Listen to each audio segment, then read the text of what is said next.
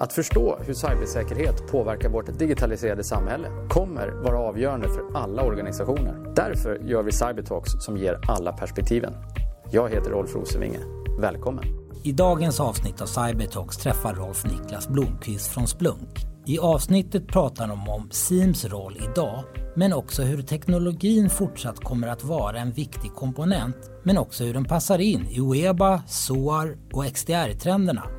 Det blir också en diskussion hur man kan nå threat sharing på riktigt. Hej och välkomna till ett eh, nytt avsnitt av Cybertalks eh, denna eh, soliga eh, tidiga marsdag. Med oss idag så har vi Niklas Blomqvist från Splunk. Välkommen!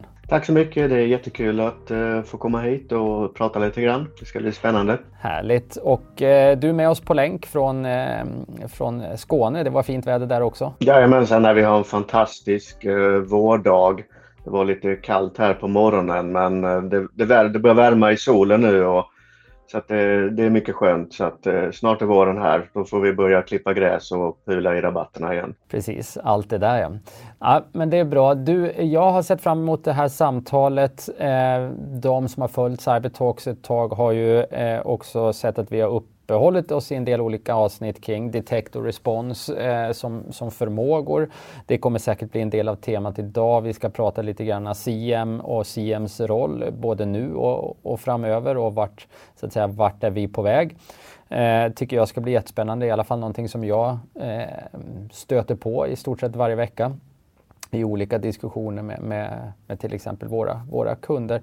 Men kanske först en liten introduktion till dig Niklas. Eh, berätta kort eh, vad du gör och, och, hur du hamnade där du är idag. Ja absolut. Nej, men Niklas Blomqvist heter jag. Eh, jag arbetar på Splunk som Strategic Security Advisor. Jag hjälper våra kunder med just de här frågorna som du nämnde tidigare. Vilken data ska man ha och vilken lösning ska man ha och varför ska man ha oss eller varför ska man ha någon annan och alla de här eh, klassiska frågorna. Eh, jag har arbetat på Splunk i lite drygt eh, åtta år, var en av de första som anställdes på Splunk här i Norden. Anledningen till att jag sitter här idag var att jag arbetade hos en annan kollega i branschen men ville byta avdelning. Men eh, det var inte möjligt att göra på det tillfället och då tänkte jag då letar jag upp något nytt spännande istället att arbeta med. Då. Och, då, och då hittade jag Splank. Eh, och därför är jag här. Spännande. Men du, eh, för då tänker jag att har man varit med så pass länge med, med med, med, en sån leverantör så har man också sett väldigt mycket av utvecklingen på rätt nära håll. Vad, vad är den största, det kanske är den första frågan faktiskt, vad är den största skillnaden som du ser kring vad en CM-plattform kan leverera idag jämfört med för till exempel åtta år sedan? Det finns väldigt mycket mer innehåll, eh, färdiga sökningar och mer avancerade sätt att upptäcka olika saker än vad det fanns för eh, åtta år sedan jag började. Då var det lite mer ett tomt skal med eh, lite bra funktioner. Det har utvecklats enormt, eh, själva innehållsdelen. Det är den mm. största skillnaden. Äh, det, det, är min uppfattning också och eh, vi ska nog borra en hel del eh, förhoppningsvis djupare i det och vara mer konkret vad det, vad det innebär. Men, men eh, också bara eh, innan vi går in i, i materien så att säga, så vad tycker du är de mest spännande trenderna i övrigt här nu de, så att säga, i, i vår bransch? Vad, vad är det du stöter på för diskussioner eh, med till exempel mera kunder just nu? Ja, men det, det är ju mycket frågor runt hur mycket data behöver vi? Vilken data är det som vi faktiskt behöver för att göra en respons? Eh, behöver man ha en, en CM överhuvudtaget? Eh, ska man outsourca sin säkerhet? Eller ska man försöka drifta den själv utefter de förmågorna som finns? Det finns ju många olika diskussioner för tillfället där ute. Mm. jag håller med och det, det var ganska, det var ganska bra exempel du gav där eh, om, vi, om vi tar Sorsa eller inte som kanske den första. Jag upplever att där, eh, där har ju skett en ganska tydlig omsvängning skulle jag vilja påstå bara de senaste åren där, där många organisationer som kanske började bygga inhouse-förmågor nu har, har sourcat eh, och jag ser väl egentligen från min horisont att den trenden fortsätter. Håller du med om det? Absolut, det håller jag med om och för de flesta om vi tar det medelstora svenska företaget så tycker jag det är vettigt att outsourca de här delarna. Det är svårt att hitta kompetensen och behålla kompetensen i en sock. Eh, det är inte helt enkelt att drifta det och det är också så när man sitter i socken och arbetar, det, alltså det är ganska tråkigt att göra samma sak dag ut och dag in om man bara jobbar för ett genomsnittligt svenskt företag eller myndigheter. Det händer för lite för att det ska vara kul. Mm. Nej, exakt. Och, ehm, men du ställde en liten halvretorisk fråga som jag kände att jag var tvungen att plocka upp här också. Ehm, du sa så här lite förbigående eh, nyss, ehm, så en av frågorna som ni diskuterar, så behöver man en CM och, och, och, så vidare? Behöver man en CM idag? Man behöver ju en förmåga att kunna upptäcka säkerhetsrelaterade incidenter. Sen finns det ju lite olika sätt att börja den resan på. En, börja, en sätt att börja på kan ju vara att, att man börjar med en dataanalysplattform och sedan så eh, hitta innehåll. Det finns ju mycket färdigt innehåll idag, både fria och respiratoriskt, där man kan ladda ner olika typer utav sökningar och sedan så bygger man sin CM lite grann själv. Eller så börjar man med en färdig produkt där man får allting färdigt. Och det är en diskussion som vi har emellanåt med våra kunder. Um, och, och, hur ser du, jag, jag, tror att jag har refererat till det i något tidigare avsnitt också, men det är ju relativt väl eh, känt, alltså till exempel Gartners Visibility Triad med, med EDR, NDR, CM eh, och få det att, att spela ihop. Är det, speglar det din bild också att det är, eh, det är ett bra sätt att tänka? Absolut, visst är det det. Och om du tänker på det utifrån från dina erfarenheter och tänker också kanske framförallt också kring den kunskap om vad, så att säga, vad, vad, den plattform som du representerar faktiskt kan bidra med i en sån visibility thread. Hur, eh, hur får man de här delarna att spela ihop? Det finns ju lite olika varianter att få de här sakerna att, att fungera tillsammans. Om vi tittar på en, en CM har ju inte någon agent som upptäcker, vi analyserar ju inte kod i realtid eller vi Eh, tittar ju inte på vilka filer som exekveras på en dator till exempel utan vi tar in data ifrån andra enheter som gör det arbetet åt oss. Så vi behöver ju ha någonting ute på endpointen som kan analysera de sakerna som man behöver analysera och sedan så kan vi förädla den informationen till exempel eh, Eh, om eh, man får ett virus eller någon, någon trojan eller någonting på en endpoint och den tas bort, då behöver man kanske inte göra någonting mer utav det. Men om det händer fem gånger på en kvart, då måste man göra någonting åt det. Eh, eller sätta det i kontext med användare och vilken enhet det är som, som blir påverkad. Om det är en, en vanlig användare så kanske inte man behöver göra någonting men om det är VD på bolaget eller någon som håller på med oerhört kritisk information, då kanske man behöver titta noggrannare på det fastän det bara var en, ett virus som någon råkade få när man surfade någonstans och sedan som, som togs bort automatiskt. En sak som jag har funderat på som jag stöter på relativt ofta, jag tycker att det finns ett, det, det finns ett litet dilemma på ett sätt här eh, som egentligen i grund och botten kanske grundar sig på att vi faktiskt bara har fått mer möjligheter så det kanske är på sätt och vis ett positivt dilemma men ändå.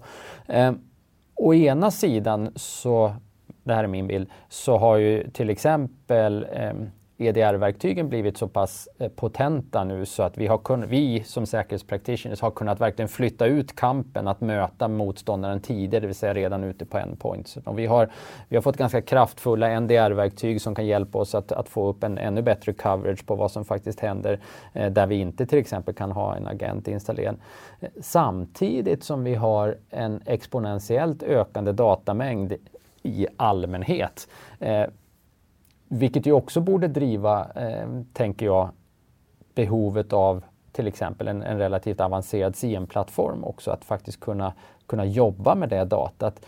Så, det, och det där upplever jag kan också vara ett litet dilemma för, för, för många, att liksom navigera kring hur ska jag prioritera, hur ska jag vikta och um, hur tänker du kring det? Jag tycker man behöver titta lite grann på vad det är för någon typ av verksamhet Eh, hur stor verksamhet är det, vilka kapaciteter behöver man, vilka externa krav finns det på verksamheten. Eh, om, man är ett litet mindre bolag så kanske man klarar sig ganska bra med en EDR-lösning. Man får ju också se vad, vad, har man idag om man inte har någonting alls. Då är ju, gå från ingenting alls till EDR, det är, ju ett skillnad i vad man kan göra och vad man kan upptäcka. Medan om man är ett större bolag eller en myndighet och man har måste följa NIS 2 eh, och man behöver följa GDPR, man kanske har andra externa krav på sig. Då behöver man ha en mer total lösning som fångar in alla olika saker men som också kan hjälpa till att rapportera mot de här olika standarderna som man måste följa.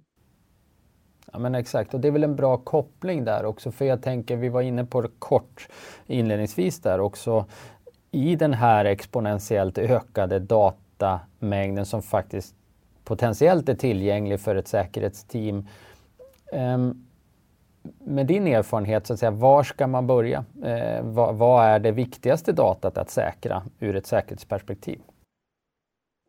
Ja, och det där är en väldigt spännande diskussion. Men man, om man kan börja, om man, om man tänker lite grann så här, jag har ingenting och jag måste göra någonting för jag, jag, vill, jag vill bli bättre och man har fått en budget som man behöver förhålla sig till. Eh, då tycker jag att användarverifieringsdata behöver vi alltid dra in. Vi behöver ta reda på vad användaren gör. Framförallt då om man har in och utgående punkter ur nätverket, eh, VPN till exempel, för att kunna fånga upp om någon har fått tag på ett användarnamn och ett lösenord och man fortfarande använder det och kan se till att ja, inte någon loggar in ifrån Göteborg och Kina samtidigt för då har antagligen någonting fel. Eh, proxydata brukar jag titta på, eh, brukar jag också rekommendera kunderna. Man behöver se var användarna surfar någonstans för att kunna göra lite lookup mot eh, threat feeds. Och sedan så har vi då data ifrån klassiska antivirus om man har det eller EDR, NDR och då tänker jag primärt på larmen och likadant eh, sårbarhetsskanning och IDS.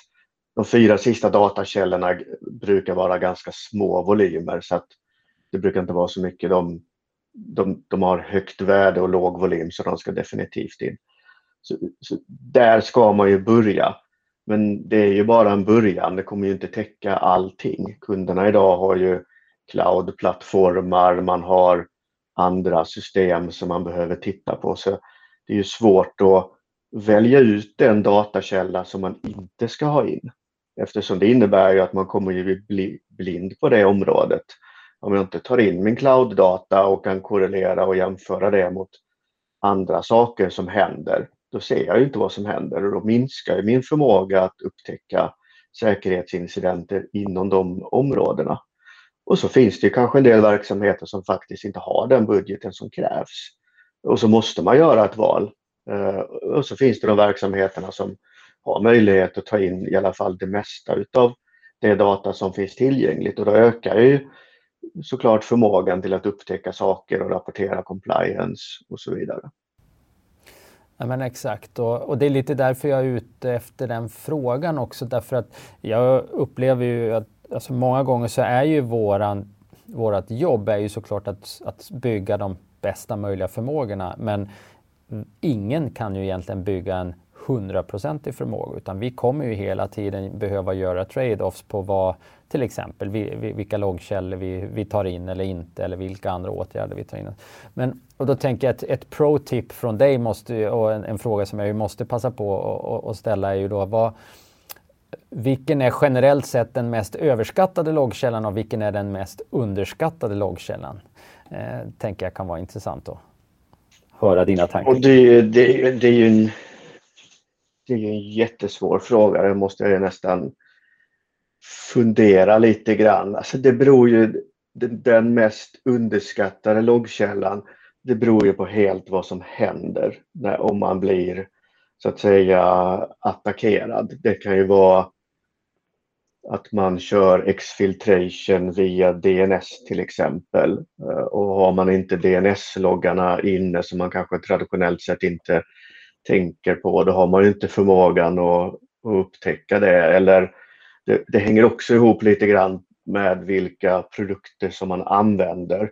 Till exempel DHCP är ju en måste-loggkälla om man använder en User Behavior Analytics-produkt där vi vill kunna länka ihop maskiner, användare, vad de gör för någonting. Medan om man har en klassisk CM så är kanske eh, DHCP inte lika värdefullt. Ja, men det är rätt och jag inser att det är, en, det är en svår fråga att svara generellt på men det är ju precis det här typen av resonemang som också, som, just som du beskrev, att hur, hur man måste resonera, vad ska man väga? Det är ju det som är, är, är spännande tycker jag. Um, så, vi kanske ska pr borde prata lite grann och också tänker jag, eh, om man nu har en en strategi, man har, man har så att säga, gjort en strategi, man har valt ut så att säga, loggkällor, man har börjat samla. Eh, retention times är en sån här ständigt återkommande eh, fråga också. Hur, hur tänker du? Vad behöver finnas tillgängligt här och nu? Vad kan finnas eh, mer liksom i ett log repository? Hur ska, man, hur ska man tänka generellt sett? Och finns det, det finns ju kanske lagstiftningskrav man behöver mappa mot och, och så vidare. Ja, det är en ganska rolig fråga faktiskt. Om vi, om vi tittar till exempel på GDPR eh, så det står ju att man ska ha State of the Art Security och det står att man ska kunna utreda och rapportera eller det står att man ska ut, rapportera säkerhetsincidenter inom 72 timmar. Det står inte från hur lång tid tillbaka man ska kunna göra det. Eh, så då kan man tolka GDPR till exempel som att det gäller från när GDPR startades oavsett när tillbaka i tiden som man får en förfrågan om någonting så ska man kunna göra det. Och det, det ställer ju ganska höga krav och, och om, om, ett par år så blir det där helt osannolikt. Så det, det måste vi få lite guidance och riktlinjer. Sen kan man titta på medianen ifrån hur lång tid tar det för ett genomsnittligt, en genomsnittlig verksamhet att upptäcka attacker och nu ligger det väl på 56 dagar eller 100 dagar, lite grann beroende på vem man lyssnar på för det finns ju olika tillverkare ser olika saker. Men jag brukar rekommendera mina kunder att försöka få ha de mesta loggfilerna i ett år. Så att man kan täcka upp eh, saker lite längre tillbaka i tiden. Det finns ju det här hänger också mycket beroende på vilken verksamhet man har. Vissa får ju påhälsningar ifrån Säpo eller kollegor i branschen som säger att du, det här, vi upptäcker det här för ett halvår sedan. Ni måste nog kolla de här IOC-erna eller de här URL-erna mellan den här och den här tidpunkten. Eh, och då vill man kanske inte börja med att beställa ny hårdvara för att läsa tillbaka en backup. Utan då vill man kunna ha det tillgängligt online. Sen finns det såklart en kostnadsaspekt i det hela också. Man kan ju inte lagra allting hur länge som helst. Men jag, skulle, jag brukar rekommendera kunder ett år. Just det.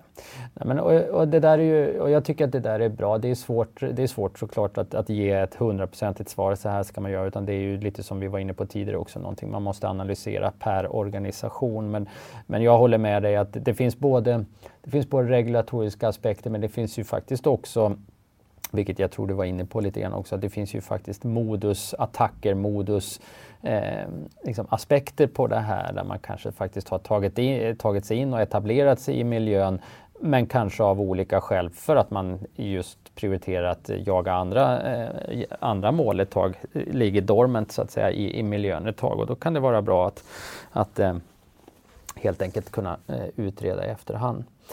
Så att eh, bra, du en, en ja förlåt. Ja, bra. Vi var överens. Ännu bättre. Eh, du, en annan fråga som jag är också är nyfiken på eh, att ställa till dig är ju lite grann eh, så vart är vi på väg? Och, och då menar jag inte liksom bara i På spåret hänseende utan mer kring, kring CM och vi har vi är ju experter i den här branschen på att mynta nya uttryck och vi pratar både UEBA och SOAR eh, och, och, så vidare tillsammans med SIEM. Och kan du ge lite så att säga behind the scenes här? Vad, vad, vad händer? Vad funderar ni på? Vart, och vart är vi på väg? Nej men ja, det vi är på väg är ju att det finns ingen anledning att man ska ha massor med olika produkter som egentligen gör samma sak eller väldigt snarlika saker. Eh, UEBA bör ju vara inbyggt i sin dataanalysplattform. Det behöver inte vara en separat funktion eller en, en separat produkt. Eh, sedan så vi måste göra det enklare för dem som sitter och analyserar alla, alla larm och alerts. Eh, dels behöver vi minska antalet drastiskt så att det blir enklare och sen så behöver vi ge bättre analysförmåga eh, när man väl har fått informationen, att ge dem mer information, mer kontext på de larmen som kommer fram. Men också då bättre möjligheter att kunna automatisera olika saker. Om vi kan ta bort till exempel 80% utav alla larm och sedan så kan vi automatisera informationsinsamlingen och reaktionsdelen om man behöver plocka bort en användare från nätverket eller en maskin från nätverket eller eh, kontakta någon för att göra någonting så, så vill vi automatisera det i lång grad så fort som möjligt. Och, och det är ju dels för att vi har inte oändligt med resurser för att kunna hantera alla incidenterna, vare sig säkerhetsbolagen har tillräckligt mycket resurser eller kunderna har inte tillräckligt mycket resurser. Eh, men det är också för att attackerarna blir ju snabbare och snabbare. Eh, och så småningom så, nu sitter, gör ju de mycket saker manuellt, men de kommer ju också automatisera sig. Och då måste ju vi, det blir den här klassiska katt och råttaleken hela tiden. När de blir snabbare så måste vi bli snabba och så blir de ännu snabbare och måste vi bli ännu snabbare. Så att tittar vi ett par år fram i tiden så tror jag det kommer vara en gemensam konsol för allihopa de här funktionerna eh, där en stor del av arbetet är automatiserat. Mm. Det är dit vi måste komma, annars kommer vi inte hinna med eller orka med att göra allting som vi behöver göra. Och det där är ju, tycker jag, en väldigt intressant diskussion för jag, jag håller med dig. Det är, det är ungefär vad jag, vad jag ser eh, och både vad, vad, så att säga, vad kunderna går och funderar på men också hur jag ser till exempel eh, produktlandskapet förändras här. Och om, man, om man tänker en liten kort exposé så, så har man ju för ett par år sedan i alla fall tycker jag sett vår bransch växa upp med väldigt många liksom nischteknologier och nu finns det ganska tydligt någonstans integrationstrend, eh, men som du var inne på att eh, men UEBA kanske inte ska lägga utanför CM utan det är där integreras. Vi har en XDR-trend där man eh, så att säga, kopplar ihop EDR, NDR och SIM och så vidare. Eh, vi pratar om automatiseringen också eh, som, som du är inne på som jag också håller med om eh, är oerhört viktig. Men som, om vi så att säga etablera det som en sanning att det pågår en, en ganska tydlig integrationstrend mellan, trend mellan, mellan olika så att säga, nischteknologier för att totalt sett kunna leverera en, en större eh, helhet. Men fördelarna har vi varit inne på, finns det några, men finns det några risker med den, den utvecklingen? Ja, det finns det ju självklart olika risker. Det beror ju lite grann på. Jag tycker ju inte om att lägga alla liksom, ägg i samma korg. Jag vill ju på något sätt dela ut så att jag kan ha någonting som är modulärt så jag kan välja vilken leverantör som jag vill använda och inte vara inlåst i en, i en specifik leverantör. Det kan ju hända eh, Dels för att om deras forsknings och utvecklingsavdelning inte hänger med eller någon annan helt plötsligt är mycket bättre så vill man ju ha möjligheten att kunna byta ut den specifika komponenten utan att byta ut hela lösningen och börja utbilda sina användare igen och så vidare på den nya lösningen. Så det finns ju, det, det beror lite grann på vad som händer.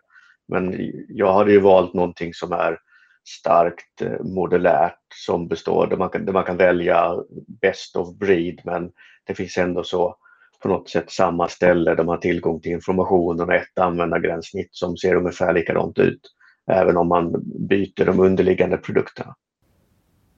Ja men precis. Och det här tror jag, det är min egen spaning, jag tror att det här är en, en, en diskussion som vi kommer i, i vår bransch att återkomma till ett antal gånger under de närmaste åren för, för just det där. Jag förstår ju, eh, jag förstår både eh, så att säga jag förstår både säljpitchen och jag tror att det, det finns ju någonting reellt här liksom kring att Eh, att underlätta för sockoperatören som faktiskt sitter och ska göra jobbet. Och ju färre konsoler man behöver jobba i och verkligen få en, en samlad view och visibilitet är ju såklart ett väldigt starkt argument samtidigt som det ju under det här eh, såklart även finns en, en, en viss säljkomponent med det, för det skapar ju möjligtvis en lock-in effekt. Och, mm, eh, och som du, jag tycker den poängen som du gör här med också att lägga alla ägg i en korg och vara beroende av en forskningsavdelning och så vidare, tycker jag också man ska ta med i beaktandet när man, så att säga, när man lägger sin strategi för de, för de, närmsta, de närmsta åren.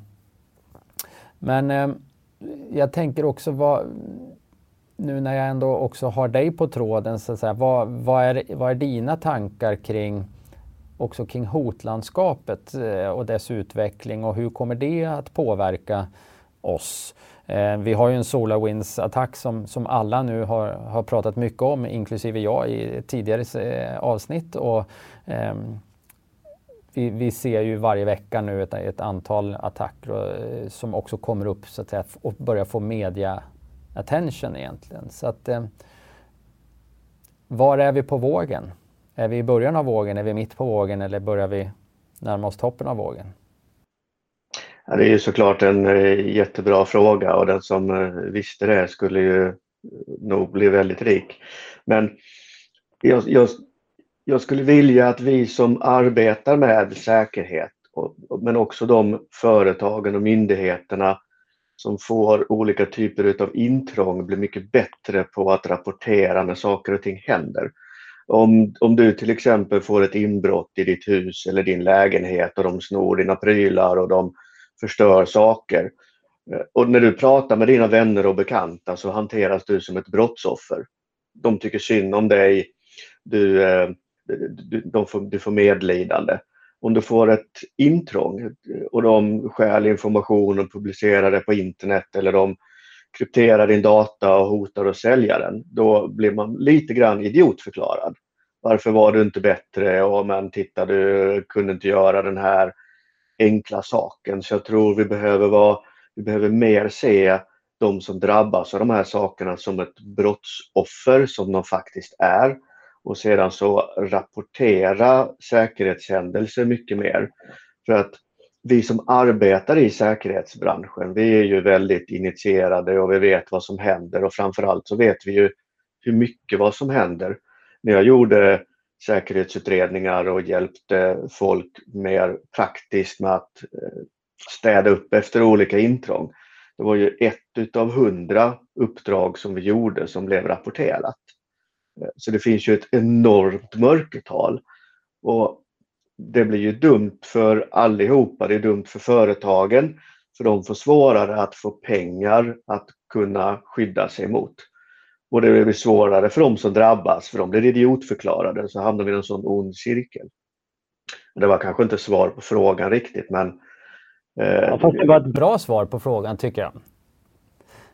Och jag, håll, och jag, jag, håller med dig, därför, och jag, här, jag, är lite glad att du lyfter upp det här. Jag har varit och nuddat det ett par gånger tidigare. Eh, men jag håller med dig att vi, ibland kan jag tycka att vi gör någon, oss själva eh, en väldigt stor björntjänst. Eh, alla pratar threat, threat sharing, men de som faktiskt eh, delar med sig av erfarenheter eh, får ofta ganska mycket eh, Eh, så att säga, i, i, i bakdelen för det. Ehm, och det är ju det är ju lite kontraproduktivt. Det leder också till tror jag. Jag kan, jag kan dra ett exempel. Vi har relativt nyligen hjälpt en, en kund med en större incident och, eh, en, och de var väldigt påverkade under ett antal dagar här och ehm, eh, vi tog i, satte upp ett antal möten tillsammans med deras IT-leverantör och så vidare. Och den första känslan när man kliver in i mötet var att det blev väldigt mycket sådär lite gammeldags, eh, att man satte sig på varsin sida av, eh, av, av, tennisnätet så att säga och, och, och, bollade över till varandra istället för att sätta sig på samma sida och faktiskt med, med mycket mer kollaborativ approach säga okej, okay, vad har hänt? Hur kan vi hantera det och hur kan vi hjälpas åt och sen i förlängningen hur kan vi förhindra att det händer igen? Men, men finns det, för att komma dit, vad, vad, vad, vad, hur ska vi göra? Vem behöver gå först eller vad är det som måste till, tror du? vi behöver nog hjälpas åt och på något sätt ändra inställning till de som blir drabbade och jag, jag ser lite grann hur, hur kollegor i branschen pratar om de här olika incidenterna så tycker jag att jag ser en förändring. Att det är mer brottsoffer och att man kanske inte ska kasta skit på de som blir drabbade och man kanske inte ska hänga ut dem i tidningarna. Jag kan förstå att det finns ett visst nyhetsvärde i det men man kan fundera lite grann på hur man formulerar sig när man, när man gör de här olika sakerna. Eh, men vi behöver, vi behöver hjälpas åt allihopa att tänka på de här sakerna och det, ibland det är lite grann som man är lite sur en dag och man gnäller lite och så hamnar man i en oändlig cirkel när man, när man går runt och tycker synd om sig själv. Det, det blir likadant, lite samma sak här om någon börjar och berättar någon anekdot om någonting och så fyller någon på.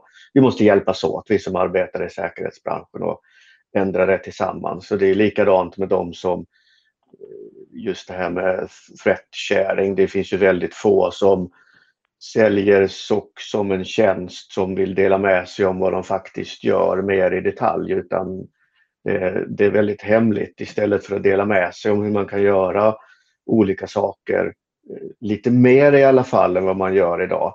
För det, det gynnar oss allihopa. Jag håller med och jag, jag, tror att vi har, vi har ett stycke arbete att göra tillsammans. Jag tycker att nyckelordet som du tog upp här var tillsammans. Eh, och, och ibland kanske också helt enkelt eh, vara lite mer ödmjuka tillsammans eh, när vi gör det. Och för de som inte har sett eh, Norsk Hydros eh, CFO stå eh, och hålla presskonferens eh, så tror jag att det finns säkert på Youtube att eh, ta fram. Eh, det är faktiskt tycker jag fortfarande en av de bättre krishanteringarna som jag har har, har sett. Eh, där man på ett väldigt öppet och transparent sätt eh, faktiskt disclosar vad man har varit utsatt för, vad som händer när man är utsatt och vad man gör. Eh, och, eh, jag tyckte det var väldigt spännande när det hände att de vågade ta den approachen. Jag tror att det har gynnat dem eh, på många sätt framöver och jag hoppas att fler kan, kan ta den approachen helt enkelt. Och man behöver ju öva på sådana här saker också. Eh, jag menar, allihopa kommer drabbas. Det finns ju inget företag eller myndighet som inte kommer drabbas. Antingen har man drabbats eller så har man bara inte upptäckt att man inte har drabbats. Man behöver öva på krishantering. Vad gör vi? Vad ringer vi? Vad om vi får ett ransomware? Att, att sätta sig och börja googla i telefonen, det liksom, då, då är det för sent. Utan man behöver ju öva på de här olika sakerna och ha processer och rutiner. Eh, just övningen tycker jag är jätteviktigt att, att man faktiskt gör för man lär sig oerhört mycket. Och man behöver inte göra det liksom flera gånger i veckan utan någon gång om året behöver man öva på att göra de här olika sakerna. Så att rutinerna sitter där. För när någon ringer en, en fredag eftermiddag när man är på väg till gymmet eller eh, man ska ha familjemiddag då behöver man veta vad man ska göra om någonting händer. Så är det. Och det är precis som du säger, det är ju på fredag eftermiddag när man egentligen är på väg till något annat som det inträffar. Du eh, Niklas, tiden går också fort här eh, och eh, jag brukar alltid som avslutning i Cybertalks också passa på att fråga gästen om någonting som har informerat eller inspirerat. Och jag är ju såklart nyfiken på om du har någonting som du skulle vilja bjuda på till, till lyssnarna. Jag gillar ju eh, Rättegångspodden den tycker jag är bra. Ehm, det var mina barn som tipsade mig den faktiskt. De gick runt med lurarna här hemma och, och lyssnade hejvilt hela tiden på någonting. Ehm, men den, den, tycker jag är bra. Jag tycker det är spännande att höra framförallt då när i, jag menar de som är anklagade, de, det är ju det är inte helt enkelt. Ibland när man läser tidningarna så ser man liksom ja, person X har gjort någonting eh, och så får de framstå det som det är helt solklart att det har gjort. Men om man hör den andras sida så är det inte alltid riktigt lika självklart att det gick till så som det beskrivs i, i nyheterna eller ens att det har hänt. Så att, nej, men Rättegångspodden skulle jag rekommendera. Den, den tycker jag är bra och intressant. Bra. Spännande tips och jag håller med att eh, att vara domare och jobba med bevisvärdering eh, måste vara bland det svårare man kan eh, ge sig på, tänker jag. Du, eh, Nik och, och, och, ändå ska det göras. Fast det kanske var en beskrivning av vårt jobb också. Eh, Niklas Blomqvist Niklas Blomqvist från Splunk, eh, stort tack för att du ville vara med här på Cybertalks idag. Tack så mycket för att eh, jag fick vara med. Jag tyckte det var jättekul och, och spännande. Tack för det och till alla lyssnare, until next time. Podden är ett samarbete mellan Cyber Insights och Orange Cyber Defense och spelas in och klipps på Media.